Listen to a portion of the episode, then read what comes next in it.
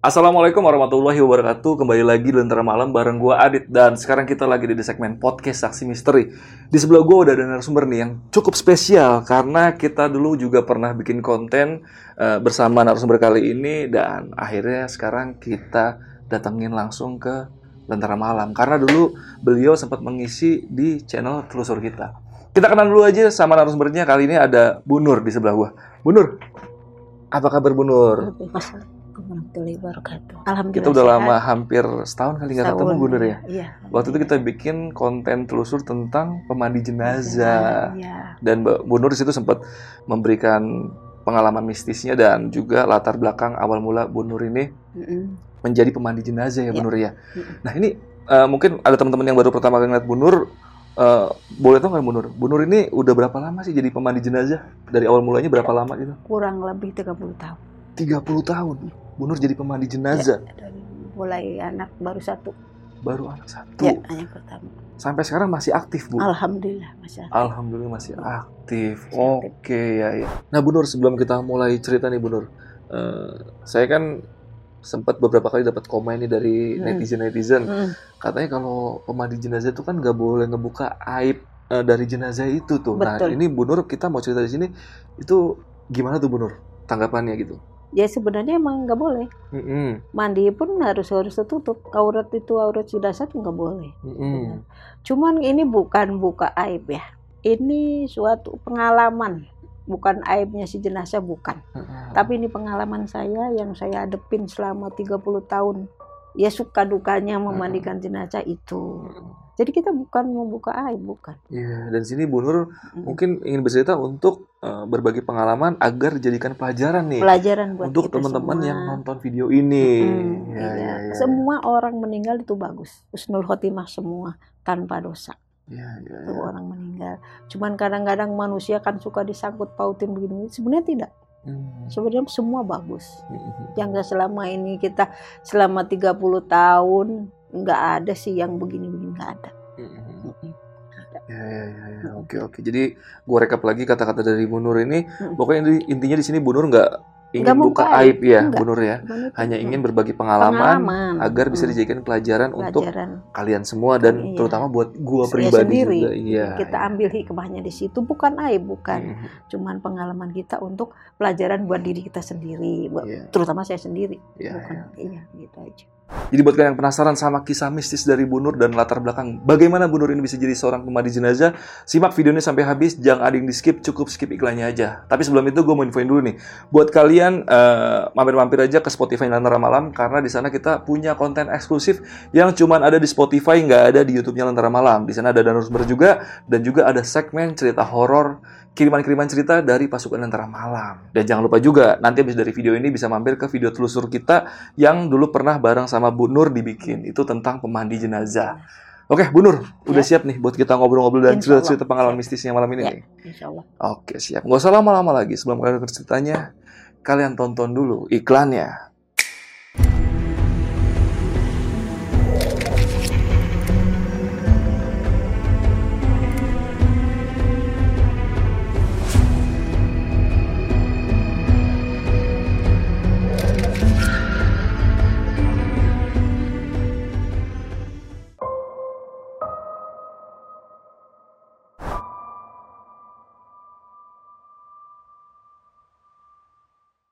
Kalau kapannya sih lupa ya. Cuman waktu itu masih di kampung.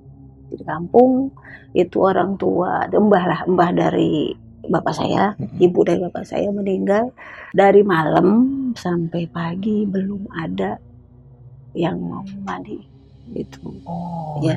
pas itu saya baru pulang juga dikabarin baru pulang dari sini dari Jakarta. Mm-mm. itu pas itu pas nyampe kok udah jam 10 belum ada. Meninggal kan malam. Jam 10 itu jenazah tuh udah udah dingin udah ya gimana sih kalau jenazah ya? Kita ngeliatnya tuh kayaknya tersentuh gitu loh ya panggilan hati. Ini mau gak mau kasihan banget udah lama. Sedangkan kalau orang yang meninggal harus disegerakan Hmm. ya kan? Iya, harus iya. disegerakan nggak boleh lama-lama gitu kan ya itu di situ awal mulanya di situ Iya, iya. Akhirnya tuh Bu Nur eh, memandikan jenazah Mm. tersebut. Mm-mm. Dan Iya kan itu kan Bu Nur sebelumnya udah belajar dulu atau gimana tuh Bu Tidak. Nur? enggak sama sekali Terus prosesnya gimana tuh? Bu Nur bisa melakukan pemandian jenazah itu gimana caranya tuh? Lah itu kadang-kadang kita manusia nggak masuk logika kita ya. Karena Allah tuh mungkin tahu, ya kan, lebih tahu nih kamu harus ini gitu kan. Ya kita itu aja. Ibu tuh nanya ini ada kain kapannya udah ada gitu. Dari semalam juga udah ada, tapi emang belum ada yang mau ngerjain gitu loh, gitu. Ya udah Bismillah aja lah. Jadi kita belajar di situ Bismillah di antara tiga hati, tangan, dan mulut. Mulut Ya. kita terus berzikir, tangan tetap kerja, hati minta ke Allah, minta bimbingan Allah. Karena kita juga apa belum tahu sama sekali, tapi ya tetap aja Allah tuntun, terus Allah tuntun gitu. Hmm. Mm-mm. Itu yang Bu Nur lakukan itu apa aja tuh pemandian prosesinya? Dari apa aja? gitu? Pertamanya motong kain kapannya dulu, Hmm. kain kapan. Kalau perempuan kan biasanya 5, 7 gitu kan. Saya pakai 5 aja lah cepet gitu kan. Jadi baju, kerudung sama itunya dua. Udah selesai kain kapan, udah dipotong, udah dirapiin, untuk siap untuk membungkus. Jadi kita mandiin dulu. Kita mandiin, saling mandiin rapi gitu kan. Udah udah dibungkus. Lalu Ya. dibungkus baru saya serahin ke yang wajib nyolatin kan bapak-bapak kayak Hmm. gitu. Ini kan kewajiban kita kan ke jenazah empat Apa saja tuh? Mem- memandikan, mengkafani, ya kan, menyolatkan dan menguburkan. Menguburkan. Itu kan kita bagiannya cuma dua. Kalau kita dua, cuma memandiin sama mengkafani. Kalau Ya. mensolatkan sama menguburkan bagian laki-laki. Laki-laki. Ya, kayak gitu. Iya, ya. Dan Hmm. ini kan Bu Nur itu pertama kali kan belum pernah melakukan sebelumnya ya. Belum pernah. Dan di situ Bu. Nur ada rasa takut nggak sih pas lagi memandikan itu? Tidak. Nggak ada. nggak ada sama sekali. Jadi kayak lepas begitu aja. Mm-mm. Pengennya tuh buru-buru selesai, buru-buru disucikan, dirapikan gitu. Nggak ada rasa takut ada atau rasa geli atau tidak. Iya, itu iya, di situ. iya. Itu Ah, awal mulanya di situ. Iya, iya, iya. Nah, Bu Nur, saya mau Ya. nanya nih Bu Nur. Hmm. Ini kan kalau Bu Nur mau memandikan jenazah itu, Mm, itu ada ritual khusus atau ada seperti komunikasi dengan jenazah nggak sih Bu? tentunya ada. Oh, seperti apa tuh Bu? Gimana Bu? Kalau kita kan awal ngucap salam, pasti kan kita ngucap salam kan sama ya si jenazah tadi. Si jenazah itu kita udah assalamualaikum. Kan dia juga jawab waalaikumsalam, tapi dia berkata kalau kita logikanya kayak orang tuh mendengarkan gitu kan. Kalau memang kita udah menyatu dengan si jenazah itu kita akan dengar, kita akan dengar gitu kan. Wahai pemandi jenazah, atau enggak bu, tolong jangan mandiin saya dulu itu saya masih capek masih lelah. Badan saya masih pada sakit. Tolong kasih waktu untuk saya istirahat gitu. Seperti itu. Seperti itu Bu. Ya, seperti itu. Kalau kalian bisa dengar pun bisa jerit.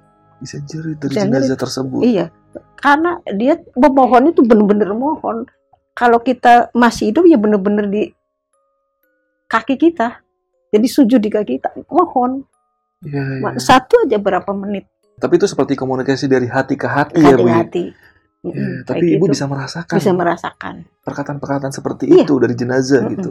dan dia minta satu lagi jangan mandiin saya pakai air panas Kenapa tuh? Bu? ya kan nggak mau kan Hmm. badan pas sakit pada itu kan ya kayaknya kalau mandi air panas gimana sih? Itu kok juga orang hidup juga kan Iya, iya, iya. sampo ya kan? Bisa Iya. bayangin aja sendiri kayak Iya, ini di situ. Dan dia sakit disentuh pun sakit. Disentuh sama kita pun sakit. makanya kita memperlakukan jenazah, jenazah itu harus lembut kayak bayi baru lahir. Nggak asal kayak kita mandi suku-suku gitu enggak halus aja sentuh aja halus. Hmm. sentuh aja halus gitu. Tapi kalau pernah saya pengalaman. Kasar sedikit gitu ya itu ke rambut sedikit dia rambut akan ke bawah ke kita gitu. Jadi kayak tarik tarikan gitu. Pernah saya. Seperti itu, Bu. Ya. pernah. Itu pengalaman sering itu pelajaran buat saya gitu. Kalau saya, saya dari kenceng kayak gini kan kenceng gitu. Karena kadang suka sakit lama ini kan kadang suka rambut nggak disisir mungkin ya. Jadi kan agak ketarik gitu. Jadi nyangkut ke sini ke tangan tuh nyangkut. Dan astagfirullahaladzim maaf ya bu lepas urus lagi kayak gitu Serem juga ya jadi pemandi jenazah ya.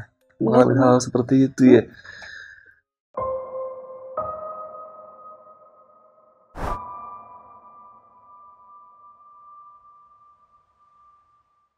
jenazah belum meninggal yang nantinya mau dimandiin sama ibu juga hawanya ibu beda. Kadang suka lemes, suka ngantuk, suka nggak karuan gitu. Ya. Gelisah kayak gitu. Ada yang ngucapin salam besoknya gitu kayak gitu. Ada Per- pernah tuh bu kayak gitu bu? Iya, sering. Setiap Itu lewat mimpi atau gimana tuh bu? nggak mimpi. Datang. Ya begini datang. Ngucapin salam. Assalamualaikum. Tiga kali. Saya keluar. Tapi saya nggak berasa mana jawab.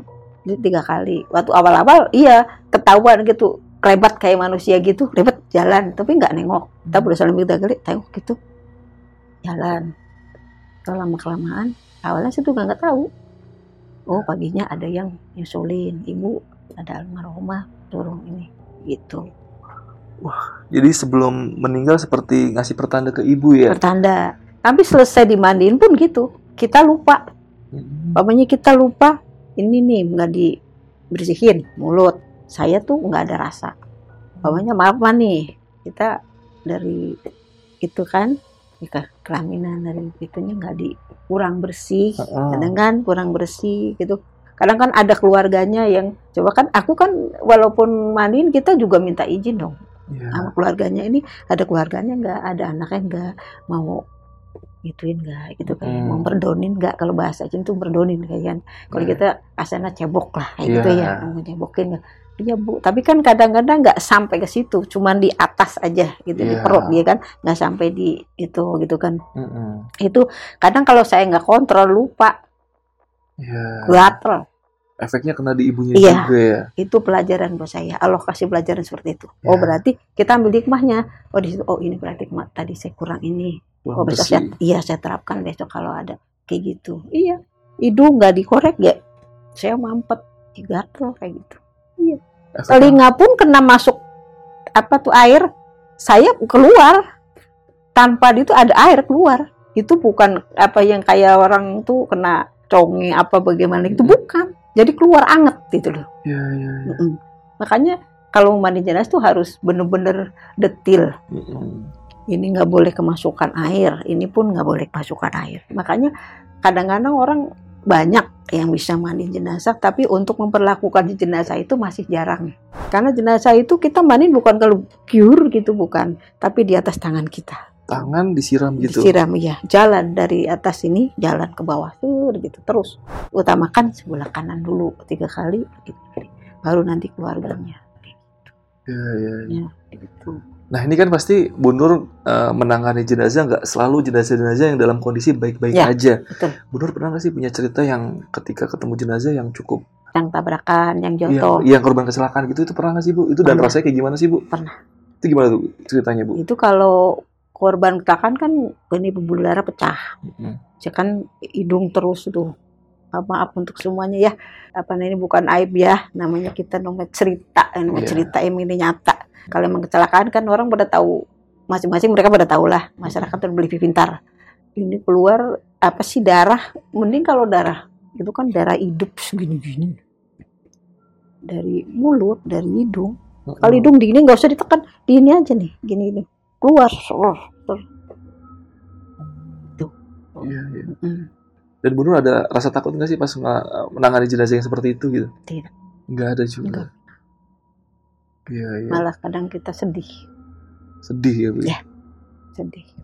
Karena jangan sampai itu terjadi sama kita atau keluarga kita dalam kondisi seperti Mm-mm. itu meninggalnya. Ya. Ya, Ya, ini kan kita dari awal sempat ada menyinggung sedikit lah dengan hal-hal mistis yang berkaitan dengan profesinya Mm-mm. Bu Nur. Bu Nur bisa nggak sih eh, menceritakan kisah mistis yang pernah dialami selama menangani jenazah gitu ke pasukan antara malam, Bu Nur? ya kalau mistis sih pasti ada. Mm-mm. Nama itu pasti ada. Itu gimana tuh Bu? Pernah ngalamin nggak kayak gitu? Kejadiannya kayak gimana ceritanya gitu, detailnya gitu? Iya pernah ada. Ya keganjalan pernah ngalamin. Itu mah nyata, emang Hmm. nyata. Apa namanya pesugihan untuk orang tuanya gitu. Bu Nur jenazah dari korban pesugihan. Itu pun orang tuanya juga jujur. Jujur orang tuanya. setelah istrinya meninggal juga jujur suami si suami itu jujur awalnya malam saya selama satu minggu tuh nggak bisa tidur tangan saya tuh berat di sini pun juga berat diperiksa juga saya nggak sakit nggak apa cuman ya pas malamnya mau nggak ada ada itu seorang anak kecil perempuan cantik nih. Nangis. Tiga hari itu tuh berturut-turut tiga hari itu. Di depan pagar. Setiap maghrib. Setiap maghrib. setiap maghrib. Nangis. Terus ibu tolong bu tolong bu gitu. Terus selesai maghrib saya itu nggak ada. Besoknya lagi. Tiga pas ketiga harinya itu hampir dua maghrib sama subuh kalau nggak salah. Mau subuh lah kira jam tigaan ya. Mau jam empatan gitu mau subuh itu saat terakhir kali itu jerit. Ibu panjang. Tolong gitu. Sudah pas paginya saya habis sholat subuh. Itu kayak tidur nggak tidur lah. Yang biasanya kalau ini nyiapin salap itu nggak saya duduk. Duduk perasaan tuh ada orang datang masya Allah ya dikata manusia ya bukan manusia. Tinggi matanya merah itu mulut. Masya Allah jadi ngepin si anak itu. Tangan saya tuh udah ini udah itu tuh tinggal se- seini lagi gitu. Tinggal cet gitu. Lah nggak nggak jauh lah kalau saya kan. Cuma di situ tuh ada kayak kaca. Kayak pembatas gitu kaca. Di situ gini nggak bisa. Kayak gitu saya udah nepak itu bukan ranah kamu. Bukan itu kamu. Kamu belum nyampe ke situ. Gitu. Pas gitu saya dijorogin ada orang jorogin lagi. Dek, gitu. Bawa bapak. Ada yang jorogin tuh. Dek, saya dibilang gitu. Emang saya duduk. Emang bener-bener kejengkang itu bener ngejemplang cuman itu yang makhluk itu tuh kayak mau kayak mau nyekek apa mau apa gitu ke ibu gitu. Cuman pas ibu kayak ada yang ngituin gitu kanan kiri ada yang ngituin. Iya. cuma diingetin itu bukan belum ranah kamu belum makomnya kamu gitu. Jangan ini udah susah tadi gitu. Udah Mhm. susah gitu kan. Tunggu aja besok gitu. Tunggu aja besok. tunggu aja besok gitu. Nah itu saya udah dijorokin itu yang bapak-bapak itu. Pas besoknya jam 7 pagi saya diparani dijemput. Pas dijemput pas masuk assalamualaikum itu bener bocah yang malam saya lihat dan bapaknya pun yang di, di ini nih duduk di bangku. Itu Itu orangnya. orangnya. Masya Allah apa bener? Iya ini orangnya kata dia. Ya Allah seandainya saya bisa ngomong saya bisa mengutarakan ini bapak begini kok sama anak itu takutnya ntar saya juga jadi tumbal ya kan? Saya nggak berani ngomong cuman ya udah emang saya udah diingetin itu bukan ranah kamu bukan makomnya kamu. Kamu cuman bisanya menyucikan aja udah doain gitu kan gitu. Ya udah saya ngikutin aja. Yang terbaik itu udah kita mandiin. Dan si bocah itu jenazah ini anak ini di mata aku tuh bukan bocah. Jadi kayak kedebuk pisang. Kedebuk Ah. pisang. kaku. Iya tapi kita manusia kita lihat tuh orang-orang tuh jenazah tapi di kasat mata saya tuh bukan. Kalau itu bener-bener kaku manjang kaku. Nggak bisa dilemesin. Sama sekali. Kan rata-rata saya kalau ini jenazah juga olahraga senam dulu. Oh. nggak iya nggak main itu Di dulu. kan dulu iya ya. iya di ini kayak ini ya bisa rapi bisa lempeng bisa itu bisa lemes semua dilemesin semua olahraga dulu. Itu nggak bisa sama sekali. Kayak di itu kasat mata itu nggak nggak nggak masuk lah gitu. Itu bener panjang bener kayak ketebuk pisang ketebuk pisang dan saya sambil mandiin sambil ngeliatin bapaknya bapaknya ngeliatin saya ya mungkin ini orang tahu kali ya gitu orang tahu ya gitu bapaknya juga mukanya merah Cuman di belakang bapaknya perasaan tuh orang yang yang itu pesugihannya itu yang dia anut itu ada di belakang dia. Jadi kalau di situ mantuk, iya, ya? mantuk gitu, mantuk gitu.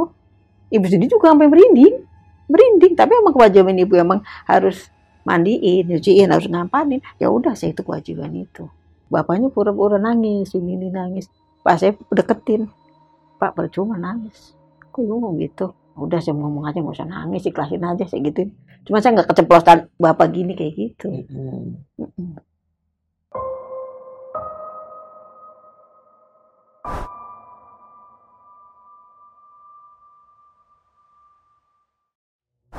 Setahun kemudian dia langsung ya jadi orang yang sukses. Satu tahun setelah anaknya itu meninggal. Nah, maksudnya kan dia cuman buka bengkel sama jual ban-ban bekas sama ban itu kayak gitu. Tapi setahun kemudian luar biasa. Legit. Tahun berikutnya mungkin ketiga tahun apa kedua tahunnya saya kurang itu istrinya juga. Meninggal. Saya juga yang megang Ibu juga yang saya mandiin. juga yang megang. Lah itu di situ. Baru suaminya. Jujur sama saya. Ngomong. Itu gimana tuh Bu? Dia ceritanya seperti apa? iya pas masuk pintu mau assalamualaikum bapaknya ada di depan pintu. Ya kayak nyambut saya gitu. Assalamualaikum waalaikumsalam waalaikumsalam Bu Nur ya? Gitu. Iya. Saya bilang perasaan saya dulu pernah mandiin di sini. Iya itu anak saya. Nah ini siapa mertua apa orang tua bukan bu istri saya. Innalillahi wa inna ilaihi gitu. Sakit. Enggak gitu. Nanti saya cerita gitu. Ya udah ceritanya nanti aja kalau saya udah selesai. Kalau nanti ceritanya belum saya belum kerja nanti malah semua jadi nggak beres kita gitu. kalau udah beres udah rapi ceritanya enak gitu. Dah. Biasa saya ngucapin salam jenazah. Si jenazah itu keluar air mata air mata. Keluar air mata. Saya buka gini tadinya enggak. Saya buka saudara-saudaranya juga kan kan berani buka takut gitu. Ya namanya orang beda-beda ya. Saya buka assalamualaikum. Saya sebut namanya. Keluar air mata itu keluar air mata bener keluar air mata. Ngucur. Sampai saudara-saudaranya tuh keluarganya pada teriak. Jerit suaminya datang cuma begini aja. Coba kalau pikir kita juga masa orang meninggal kok nangis? Tuh nangis. Nah udah udah. Ya udah bu. Kita mandi ya. Kita suciin ibu menghadap Allah. Gitu. harus suci harus bagus harus wangi. Ibu udah husnul khotimah udah bagus. Nah, ayo kita mandi. Gitu. itu tadi kejanggalan tadi. Ada lagi ada lagi. Seperti apa aja tuh? Bu? tangan. Itu, itu biasanya ya itu tadi lah. Kamu kita lemesin bisa.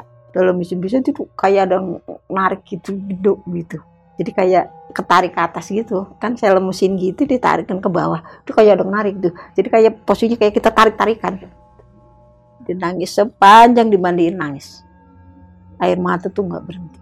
Pas berhenti pas mau saya tutup ya mungkin keajaiban Allah juga ya kan? Kemujian Allah saya minta ya Allah semoga kau tutup aib ini ya Allah.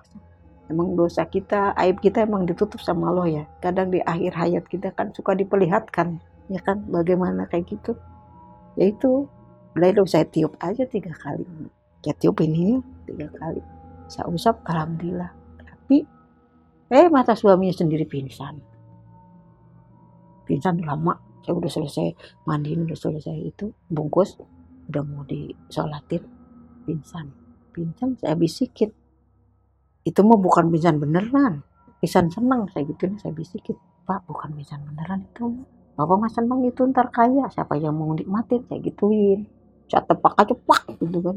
Dada saya tepak pak bangun. Saya gituin aja. Istrinya mau dikubur saya gituin bangun duduk. Duduk bangun. Dah bawa deh itu ke masjid. Dia nggak ngikut nggak mau ikut.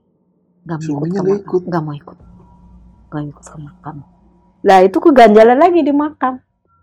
Ada keganjilan lagi di makam. Apa tuh kejadiannya? itu pas dibuka kerandanya semua udah kebuka tali-tali itu udah kebuka padahal itu kencang dia telepon ke rumah saya suruh balik, suruh nyusul itu Ke ke pemakaman. makaman Mm-mm. itu belum di dalam kubur belum di dalam kubur semua penuh sayap tadinya mulus itu jelas tadinya mulus bagus semua penuh sayatan Pas ibu mandiin kondisinya mulus, Mulus. baik-baik aja. Yang mau makamin aja bawa pepin tapi tidak ada darah. Cuman aromanya wanginya minta ampun. Wangi. tapi bukan wangi bunga loh ya. Wangi apa tuh ya kayak wangi nanak wangi darah. Ya, wangi. ya, ya, ya, ya. Paham, paham. wangi wangi sekali itu. Semua mundur. Tapi nggak ada darah nggak ada setetes pun nggak kering. Tapi itu basah. Ya, ya. basah. Ya kalau itu kayak bekas tangan gitu gitu ada. Jadi bekas gituan itu kayak kuku ada. Di tubuhnya itu. itu ganjalannya di situ. Saya suruh ngituin lagi dia ngucin lagi. Udah saya usap. Gak saya bilang ya Allah kalau memang ini bukan kehendak engkau tolong ya Allah. Besok gebjek ini. Hmm, bulan. Yang bersemayam di tubuh ini tolong. Rapikan dulu terserah nanti kalian mau apa saya gitu. Rapikan dulu ke rumahnya nih kayak gitu. Tapi kuping saya tuh udah uh luar biasa. Lah semua orang mundur semua saya dihadapin sendiri di situ. Yang mau mm, gali kubur juga mundur yang biasa gali bingung. Orang semua mulut berdiri gitu. Saya sendiri udah saya itu sambil ngomong. Memang kalau setan semayam di sini udah tutup dulu saya gituin aja rapiin dulu bukan bukan caranya begini saya gituin ngomong gitu ngomong sendiri saya Ya. jadi kan iya ngomong jadi gitu. itu. iya kan. kalau emang yang bersama ini setan yang menerima setan bukan Allah ya udah sono bawa mau iblis ke mau apa terserah tapi jangan di sini nanti ya gitu ya jangan diperlihatkan di makhluknya di umum kayak gitu Iya, kan. kasihan gitu ya. iya bener cuman itu nggak ngeluarin darah aja ini kayak plek gitu itu ada semua tangan panjang-panjang ya mungkin dia kan nggak sakit nggak sakit sama sekali. Mungkin ya karena di drodot-drodot gitu mungkin kalau cerita kali ya. Mm-mm. kali orang-orang yang begitu saya nggak tahu awam dengan bahasa yang pesugihan apa itu nggak nggak itu. Tapi emang ya teman itu real nyata. Saya hadapin tuh nyata. Saya Ya. pulang aja sampai merinding. Iya, iya. merinding Nah, dan gue mau ngingetin ke kalian kalau di sini Bu Nur ini menceritakan bukan untuk menyebarkan aib ya, Bukan, tapi di sini ini. untuk membagi eh, pelajaran buat Pelajaran kalian buat kalian kita semua, yang nonton ya. iya karena, Karena pesugihan pasti efeknya nggak bagus nggak bagus bagus untuk nggak bagus untuk kita juga Iya. untuk keluarga untuk siapa pun Iya, iya. gitu, Karena iya. bisa meninggalnya dalam kondisi seperti ini ya. Mm-mm, Karena betul. mungkin ibunya itu juga udah sempat menikmati harta dari si suaminya mungkin kali ya. Iya mungkin, mungkin. Ya ya, ya setahun dua tahun lah, Mm, ya setahun dua tahun. Mungkin dia kan emang dia punya anak juga anak laki, cuman nggak mau. Ini nggak mau. Yang anak laki nggak mau, maunya perempuan. Iya, iya, iya. Yang di Sugan itu perjanjiannya perempuan, Iya, iya. ya karena dia nggak bisa punya anak lagi, terkendala apa kata sakit apa gitu, apa gitu istrinya nggak bisa punya anak lagi, ya mau nggak mau, dia kan nggak bisa ngambil di luar pagar Hmm, kayak gitu. Luar pagar rumah maksudnya. Iya, luar pagar rumah dari keluarga atau tetangga itu nggak bisa. Emang udah saya tanda situ suaminya lah cerita, Iya, tadi kan saya mau nanya Iya. tuh, Bu. jujur, Kan cerita. suaminya mau cerita tuh, tuh. dia Hmm. gimana tuh ceritanya tuh, Bu? jujur. Pas udah saya dia mau ngasih amplop sama saya, gitu kan. Oh maaf nih bu, saya ngasih bukan apa apa ya ini rezekinya ibu. Ini rezeki nanti ada itunya nggak? Saya gituin. Maaf apa ya pak ya maaf gitu. Maaf nih pak saya mau nanya gitu.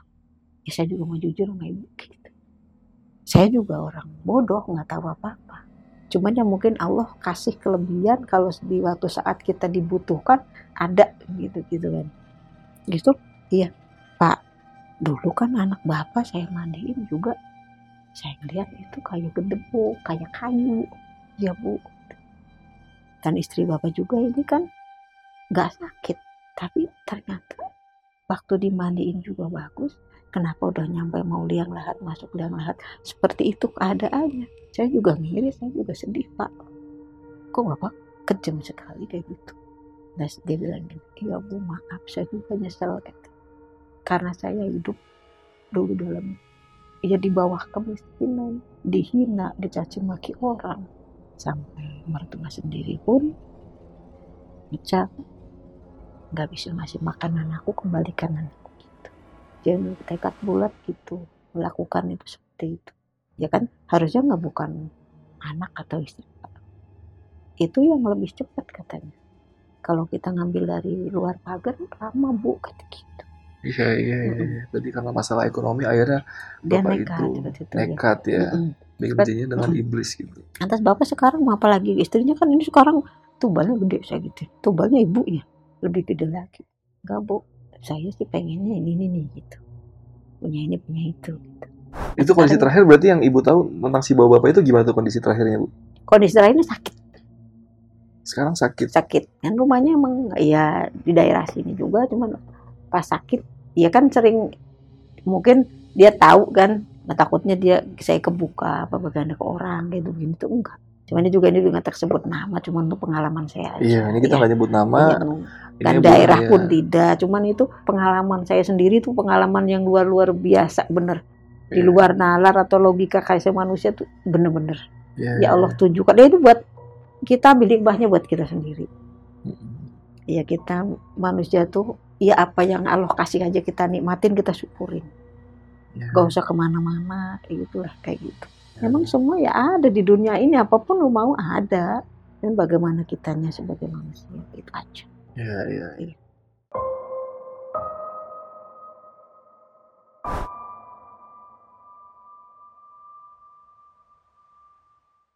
Oke Bu Nur nih sebelum hmm. kita tutup podcast semalam ini uh, mungkin saya pengen nanya nih suka dukanya Bu Nur selama menjalani profesi sebagai pemandu eh. jenazah itu gimana sih Bu? Banyakannya ya, ya suka aja ya. Heeh. Kalau Sukanya dulu deh kayak gimana tuh Bu? ya sukanya kita menjalankan amanah ini itu kan yang Allah berikan buat saya itu bukan profesi loh ya Mm-mm. cuman ini amanah Amanah ya. saya. Iya. amanah panggilan jiwa panggilan hati kita untuk ya menjalankan semua ini dengan hati Mm-mm. dan bukan komersil Iya, iya. Ya. gitu cuman ya dukanya gitu kadang-kadang kita yang nggak gimana sih manusia namanya manusia lah susah ya Mm-mm. kalau kita yang kerja siapa yang nikmatin kayak gitu ada Oh, Gitu, iya, iya, ya. kayak gitu Berarti suka ada yang seperti mencalonkan Bu Ya. Nur gitu ya. Heeh. Bu Nur yang nggak dapat apa-apa, dapet dianya apa, yang dia gitu. dapet. Iya. kadang-kadang sampainya juga nggak sesuai yang soibul musibah Hmm. ke saya kayak gitu Iya, iya. Iya. Berarti ada yang dari menca- tangan ke tangan Iya, iya. Ada yang mencari celah di Iya. duka orang lain ya, seperti Gitu. itu ya. Waduh. Gitu. Iya, ya nggak apa-apa memang rezeki saya segitu ya saya terima iya. iya. Dan tapi Bu Nur Iya. mah terima-terima aja lah ya. Terima. Karena ini kan Terima. Bu Nur juga bukan profesi, ini cuma amanah ya. amanah Ya, jalannya harus karena Bu Nur ini bisa ya iya untuk gitu. bantu. yang bisain juga Allah bukan karena kita Iya, iya, iya. Oke deh. Mm-mm. Bu Nur nih, eh, Hmm. untuk terakhir nih, ada pesan-pesan gak nih buat penonton Lentera Malam nih? Dari Bu Nur nih, pesan-pesan tentang kehidupan atau tentang kematian gitu, Bu Nur? Mm. pesan untuk kita semua ya. Kita semua sebagai umat muslim ya kan? Ya kan kita emang umat yang istimewa yang di dalam Al-Quran tuh Allah nggak ngasih. Baginda Nabi tuh nggak ngasih kita kalau ada kita menyikapi kesedihan kalau ketinggalan yang kita sayangi gitu kan? Di umat-umat yang lain gak ada cuman umatnya baginda Nabi Muhammad yang bisa mengucapkan ya untuk kita bahagia untuk kita menghilangkan sedih kita gitu kan kehilangan orang ya cuman innalillahi wa inna ilaihi rajiun. Itulah umat baginda Nabi Muhammad. Hmm. tapi buat kita semuanya untuk untuk untuk saya pribadi ya kan menjadi orang yang lebih baik. Yang punya orang tua juga sayangilah orang tua kita. Kayak gitu ya. Terutama orang tua perempuan gitu. Iya. karena semua adalah apa doa orang tua tuh paling paling yang diijabah. Kalau orang tua kita udah meninggal perlakukan dengan baik. Kita nggak bisa ngasih apa apa orang yang udah almarhumah perlakukan orang yang memandikan jenazah dengan baik. Itu orang tua kita senang. Ya, oke deh.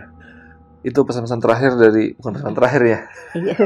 Pesan untuk kita semua Iya, iya. Itu pesan dari Bu Nur untuk kita semua sebagai penutup dari video malam ini. Oke, paling podcast malam ini cukup segini aja. Bu Nur, makasih banget nih udah mampir ke. Lentera Malam jauh-jauh dari lokasi yang cukup jauh, Iya, akhirnya ke Lentera. Malam Mm-mm. dan berbagi cerita ke pasukan Lentera Malam semuanya. alhamdulillah Oke, paling malam ini cukup segini aja. Gua di Lentera Malam dan Bu Nur izin pamit.